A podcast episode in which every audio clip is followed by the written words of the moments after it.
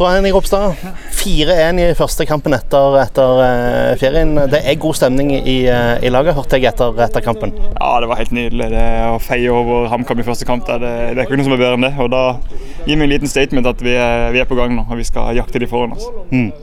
Nå er det jo da Sogndal som er neste, neste kamp. Det går uh, tett mellom kampene.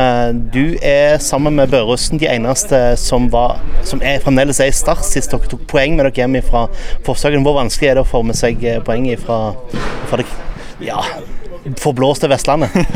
ja, det blir jo det. Nei, det, Sogndal er et tøft lag å møte. Jeg har spilt mot dem tre-fire ganger i min karriere. så det har vært en krig hver gang. og Det er et lag som løper fra første til siste minutt og kjemper knallhardt. så vi må, vi må, få ned ballen og vi må få til vårt offensive spill. for da, Der er vi bedre enn det. Så får vi det sporet, så kan vi gjøre det veldig bra. Mm.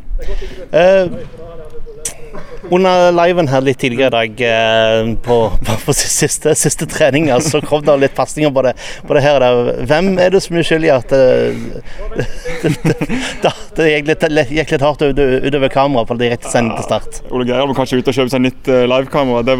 Jeg skulle teste høyrefoten, og det er kanskje ikke greit at jeg holder meg til venstrefoten. for det, Han skeia ut litt, og jeg traff han, eh, traff han godt der. Så da, da ble det et lite avbrudd i livesendinga til Ole Gerhard, men det, det får vi tåle. Hvor mye må du betale til botkassa? for dette, da? Nei, jeg, jeg får se om det er noe videobevis først. Hvis ikke det er det, så var det ikke meg som la an. du hører Fotballekstra på Radiometro.